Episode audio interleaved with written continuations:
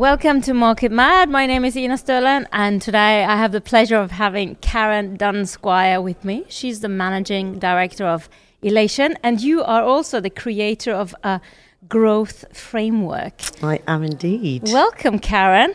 Thank you very much for having me. I'm very happy to have you, and you're here because you are giving a um, keynote speech at the sales conference in Bergen today. I am indeed. Looking yes, very, very much forward day. to that. Great. Have you been there before? I have not. My first time in Bergen. I specifically got up very early this morning Yeah. so I could do a five mile walk around the place so that I could say that I'd seen. You've been here, actually. Yeah, You've actually left the hotel. That feels like a holiday then, right? Well, I've heard you live in Mallorca, so let's not even talk about holiday. my Yeah, my definition of holiday is where you live. um, you have uh, a business that is uh, what you call a business growth agency. So, if I understand you correctly, you help uh, businesses in, in succeeding with growth through your principles of, of sales and marketing. that is exactly correct. Yeah. Can you please sort of give us the the background of your growth framework that you Yeah. work with towards your clients and your projects? Yeah, of course I can. So I started my own business in March 2009, Yeah. and my main intention was to be a consultant supporting businesses to grow. Um, I came across one fairly big problem when I first started that. Just one? Well, one big one, Oh, right. loads of smaller ones, but one big one. Um, which was that I was not the only consultant in the world Yeah. that thought they knew how to grow a business. so I found myself competing with lots of other very credible experts who would give different pieces of advice. Yeah. And what I thought was if I was a small business owner and I had limited budget and I had limited time and I had 10 experts giving me 10 different pieces of advice, Yeah. I'd go slightly mad. I knew ev- every, every decision you make is a gamble then, right? Right. Um, and so I wanted to de risk the whole idea of consultancy. Right. So I wrote the growth framework, which we wrote in, 2000, I wrote in 2010 and finally licensed it in 2013 as an audit and evaluation tool that would let a small business owner assess what they're doing across sales and marketing Yeah. and really truly understand what they needed to do to get make more money. Right. So it wouldn't just be having to take a gamble Yeah. on a group of different experts. It's a metric based business analysis that tells them where their gaps are and the things they need to fix right now to make more money. Yeah. So basically, it's filling the gap methodology. The filling the gap methodology. we we did a bad job of the marketing by missing that one, right? Uh, but but I, I like the idea that you say you, you want to work with business owners instead of you you, you, you call it I like uh, skin in the what did you call it? oh, that that that nice English phrase, Yeah. skin in the game. Skin in the game. You like the skin Yeah. in the game. Yeah. Uh, how come you prefer working with companies that are owned by, uh, run by their own owners of the companies? Uh, there's a couple of reasons, I think. Passion. Yeah. Someone who really, really cares about the outcome tends to work a bit harder. Yeah. Tends to be a bit more up for change. Tends to be a bit less risk averse. Um, because they want the the outcome so badly that Yeah. they will try new things and push boundaries. That's exciting. Um, I also like working with a person who cares. Yeah. You know, I talk an awful lot about leading with heart and like keeping the, you know, the heart and soul in your business. Yeah. Um, and I did many, many years working with big corporate organizations. And the one thing that's missing Yeah. is someone who really cares and for, for whom it really matters. And Yeah. so that's why I like owner managed businesses. Yeah. Because if you own your business, you don't leave the office and turn off the light. No, it's, It's your all- life. It's the reason that you have a house. It's how you feed your children. It's everything. Yeah. But but so then oftentimes I guess it's smaller businesses that you help or medium smaller to medium sized companies. Yeah. So the majority, we, we, we have a mantra that will work with any business, Yeah. no matter what their size or budget, as long as they have the, the growth aspirations. But we have a sweet spot, like every business does. They tend to be 50 to 100 employees, um, turning over 10 to 20 million, but with really significant growth aspirations. Something big's happening in their future, and they know they can really achieve more. Yeah. That's the that's the sweet spot for us. You're talking in euros, right? Or pounds? Pounds. pounds. Just checking. I mean, either or, really. yeah, yeah, it's pretty similar. Yeah, when you're right now? talking millions, it's uh, the Yeah. exchange rate's not so painful. But if you talk Norwegian kroner, you need to add a zero just so. Sure, Yeah. I'm still trying to work that out. I'm still using my little app on my phone to work out how much money I'm spending. Uh, but what kind of companies uh, would would uh, typically seek help? I mean, uh, yes, they own their own companies, Yeah. but, but what are the sort of challenges? You you have t- two different types of customers? we do. We have two different types of customers. We're equally um, happy to help both. some, some, some are a little easier than others. Yeah. So they'd be in one of two categories. They would either be approaching a really positive transition in their business. You know, they're just about to buy a new company or launch a new product or go into a new market or something significant is happening. Yeah. They know their turnover is going to change enormously in the next 12 to 18 months and they recognize that they need to put some proper rigor behind that Yeah. and make some sensible decisions about how to do it. Yeah. So they would partner with us to join them on that journey. The other time is what we call troubleshooting, is when a business owner knows his business or her business is a bit broken. Right. Um, it's not making the money it needs to make. It's not making the profit it needs to make. Nobody's hitting their targets. Everyone's demotivated. Yeah. And they know that without doing something really big really soon, Yeah. might fall over. Yeah. And then they kind of come desperate for help.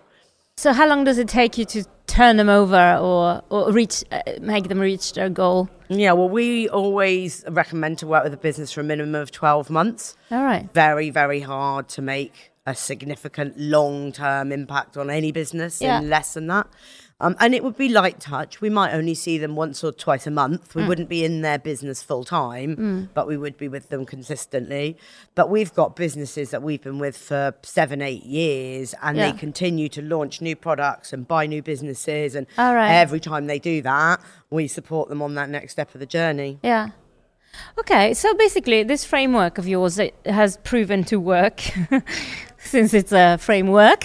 Yeah. Uh, so, uh, what's the what's the sequences in this when you approach a project? Where where do you start, and what are these three pillars of of uh, of your framework? Yeah. So the growth framework itself is based on the concept that in order for a sales and marketing operation to be really successful, it's got to have strength in three key areas.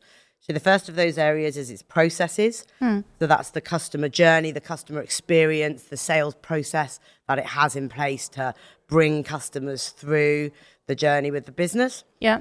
The second of those areas is communication. So that is every single communication that a business uh, will send out to the world, Mm-hmm. Yeah. whether that's across the sales team or the marketing team. Yeah. Making sure that they're of the right quality, the right quantity. And then the third pillar is the people pillar. That's about making sure that the leadership, the performance, the culture is absolutely on point. So everyone does the best job. Yeah. But w- so you always start with a customer journey. Yeah. Do you do you help your client uh, uh, sort of define or, or is this something you do together or do you do it sort of and then tell them Yeah, always like together, always together. together. So there's three stages to implementing the growth framework in a business. Yeah. Stage number one is evaluation. Yeah. And we would do a detailed assessment in the business with the employees and owners of that business to Yeah. really understand what's going on right now. Yeah. Mm-hmm. Find out those gaps you talked about earlier. Suss out which ones we need to fill. Yeah. Um, then we share back with the business owner, hey, look, this is what we think you need to do to polish your business up. Yeah. If at that stage the business owner says no, then we walk away because we yeah absolutely that how can you move forward that guy has to be hundred percent in it. yeah. does that happen Does Yeah, it- yeah, it has happened. Yeah. Oh, really? Yeah, yeah. And we have to be really clear. We have to be really clear. I'm investing a year of my life with these people. Like, I don't want to be banging my head against the wall. Yeah. Um, sometimes we will say to the MD Yeah. at, at the evaluation review meeting, to get where you want to go, you are going to have to change a lot of things. Are you ready for changing them? Yeah. And if they say no, we have to walk away because sometimes they might be asking us to double the size of their business. Yeah. And if they're not prepared to do stuff differently, they're not going to get a different size business. So, so we would sometimes walk away then. If they love our recommendations, we move to phase two. Yeah. And that's that 12 month program where we work completely collaboratively. We might be doing copywriting workshops. We might be doing sales process mapping. We might be doing leadership coaching. We'll be entering into whatever bit of their business is, is, is, is a tiny bit broken and we fix it. Do you do you sometimes find in this communication pillar, Mm. uh, uh, is there a is there a weakness that is more common uh, across businesses? Um, yes, I would say so. I would say that most businesses invest more time in what they're saying at marketing Yeah. than they do at what they're saying in sales. You know, you will rarely find a website that hasn't been copywritten by someone at least vaguely experienced in writing. Yeah. You will rarely find a logo that wasn't created by someone who's got some basic design skills. Right. You very often see salespeople who are given a desk and a phone and told to get on with it. Right. They are given no guidelines around how Yeah. they should lead meetings, no guidelines around how they should ho- hold their telephone calls. Um, so the quality of the verbal communication can be Yeah. quite poor sometimes Why is it? Why do you think that is? because most owner managers think that salespeople come already made. Yeah. Already made. Like there's a box somewhere that the salespeople pop out of. Ginger man. and they really do believe that. If, if someone's got salesperson written on their CV, Yeah. they must have some sort of inbuilt sales skills. So there's a little mm. magic that nobody else can Right? can improve. I guess I suppose if you're recruiting an accountant, Yeah. they, they can definitely add up. Yeah. Right? So there is perhaps that same thought. Right. I'm recruiting a salesperson, they can definitely sell. Mm. Well, just because I've done a sales job definitely doesn't mean I can sell. Yeah. I might have been awful at that job, right? Uh, yes. and I might not even have a toolkit for it. Sure. Yeah. And I might know how to sell your competitor's product, but that doesn't mean I know how to sell your product, Yeah. right? Right. So, Would you then go into specific training of salespeople? yeah, definitely. Yeah. That's how we started out. We started out really very focused on the training Yeah. of sales teams. Yeah. Um, and in the end, we ended up seeing too often Yeah. you put a sales department through a really rigorous training program, mm-hmm. and actually the sales re- results of the business don't change that much because they're all really demotivated and the customer experience is poor mm. and the marketing materials aren't great. So we learned from experience Yeah. that it's not just the skill of the salesperson that makes the money. Yeah. So that's when we started to broaden things out a bit. Yeah. To develop your framework. Yeah. Right. Yeah, because you cut training is not everything. Yeah. And too often someone will say, train my guys to cold call. Mm-hmm. When they know how to cold call, we'll make more money. I'm like, Yeah. well, not on not on not on its own you won't. Yeah. So Right. yeah, that's what that's why we broadened it out and started thinking a bit more about what else needs to happen in the Yeah. business to make sure it's profitable. Yeah. But in the sales training, do you also help them sort of? Do you also help them define like a tone of voice, uh, a way of presenting the product? Are you you you're moving towards this branding of the product or the services, basically? Yeah, so we would typically work with a business that already has a good brand identity. Mm. And if it didn't, and we saw that as one of the weaknesses, we'd probably ask them to rebrand before they went into a program with us. Yeah. Um, but we do an awful lot on the very specific messaging. So w- we talk a lot about the content of a, of a sales interaction and the you know the the way that they would present the product, the language that they would use, Yeah. the language they would use at objection handling stage, Yeah. um, the the the way that the tone of voice at an email should Mm. be written in. Um, and, and bearing in mind different target markets and those subtleties. Yeah. We talk a lot about making sure that you're saying the right things to the right people, whether that's in writing, verbally, whether you're singing it. You know, if, it do, if it doesn't make sense, nice. don't say it. Yeah. There should be more singing, right? Or in singing. sales. See how that goes. uh, lastly, but not uh, less importantly, you have your third pillar, which is uh, culture.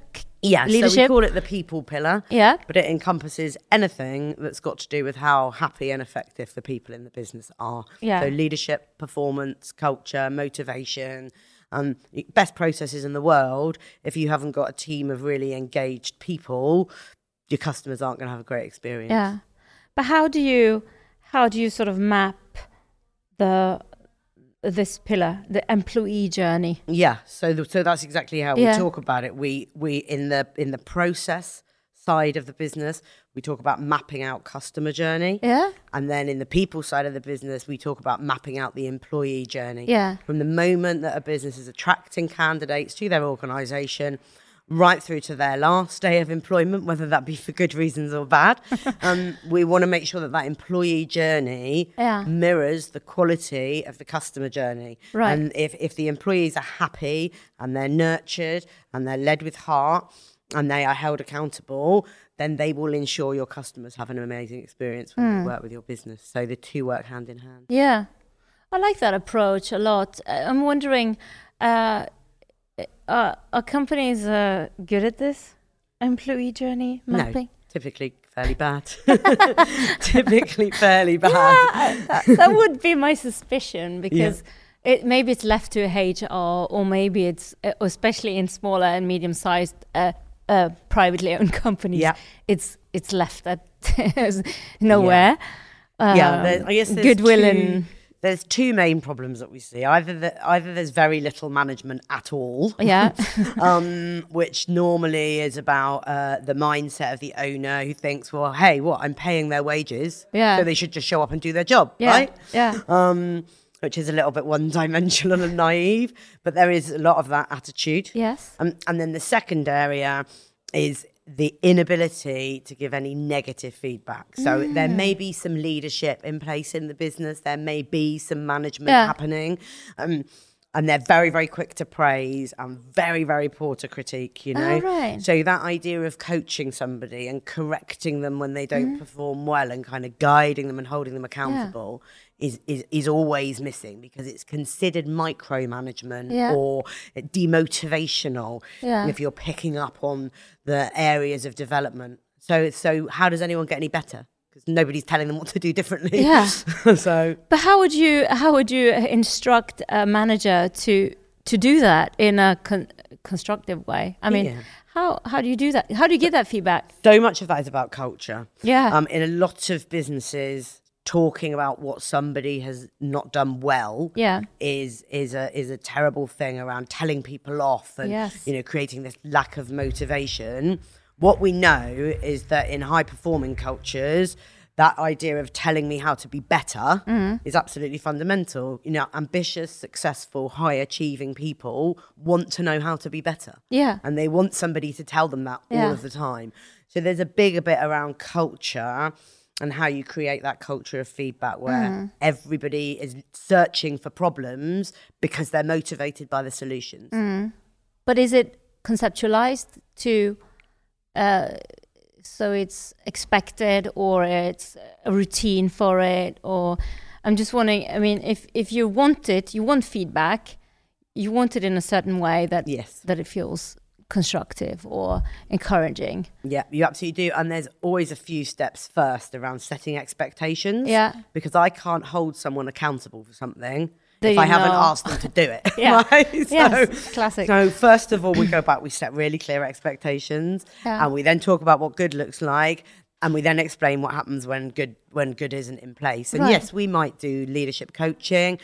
We do a huge amount of leadership modeling. So Yeah. I might lead a one to one where I give some critical feedback and have that leader watch me do that yeah and have that employee get the sense of what it feels like to be given really healthy feedback uh-huh. and how motivational that can be. yes To come away with a to do list of things that will make me better at what I do Yeah. is a really exciting thing. Yeah. If they've never seen it before, Right. then that's going to scare them a bit, isn't it? Yeah, sure.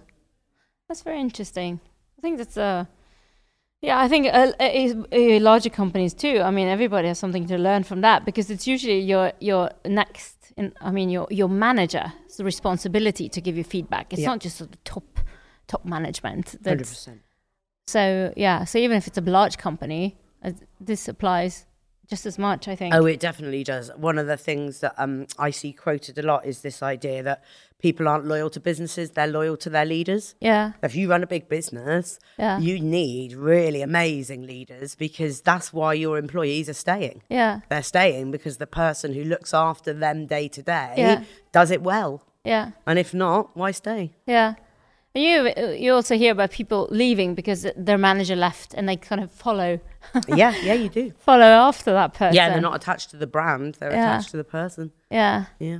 So uh, just uh, yeah, great work, uh, Karen. Um, do you have sort of uh, some uh, examples of when you've been really satisfied with your own processes, or do you have a case where you think this this is the best we've Yeah. done, or this have given me sort of a feedback that my framework is working? Yeah, so many. I mean, the, when when we first got the framework certified, the um, organisation in the UK called the Sales Innovation um, Organisation, who take responsibility for nominating a big award ceremony. Oh, right. Uh, they Cool. nominated us the most innovative business growth tool in the UK. That was a year after we created it, and that was the point when I realised, oh, hold on, this might this might be going somewhere. um, and I mean, since then we've just worked with so many businesses. We've applied it to over 400 businesses um, across Europe and America. Now we're live in Washington a few years ago. Um, and universally, they see growth. We haven't worked with a single business that hasn't seen an upturn in profits and turnover Yeah. as a result of applying the framework. Yeah. Um, because it's measurable, it's really easy Yeah. to celebrate the successes, right? yeah. I mean, if sales don't hit their targets, they haven't done very well, have they? Yeah. So, you know, That's also a great way for you to sell your framework. You can just point at, you know, everyone succeeds. absolutely. yeah. Well, this is uh, very inspiring. Uh, your Jenga model, as you called it. Yes. Fill in the gaps, as I say. Um, great, great story. I wish you luck, Karen, on your way to more success Thank and you. your uh, key sp- uh, key speech that you're doing here now in a few hours. So, thank you for coming and joining me on my podcast. It's an absolute pleasure. Thank you for having me.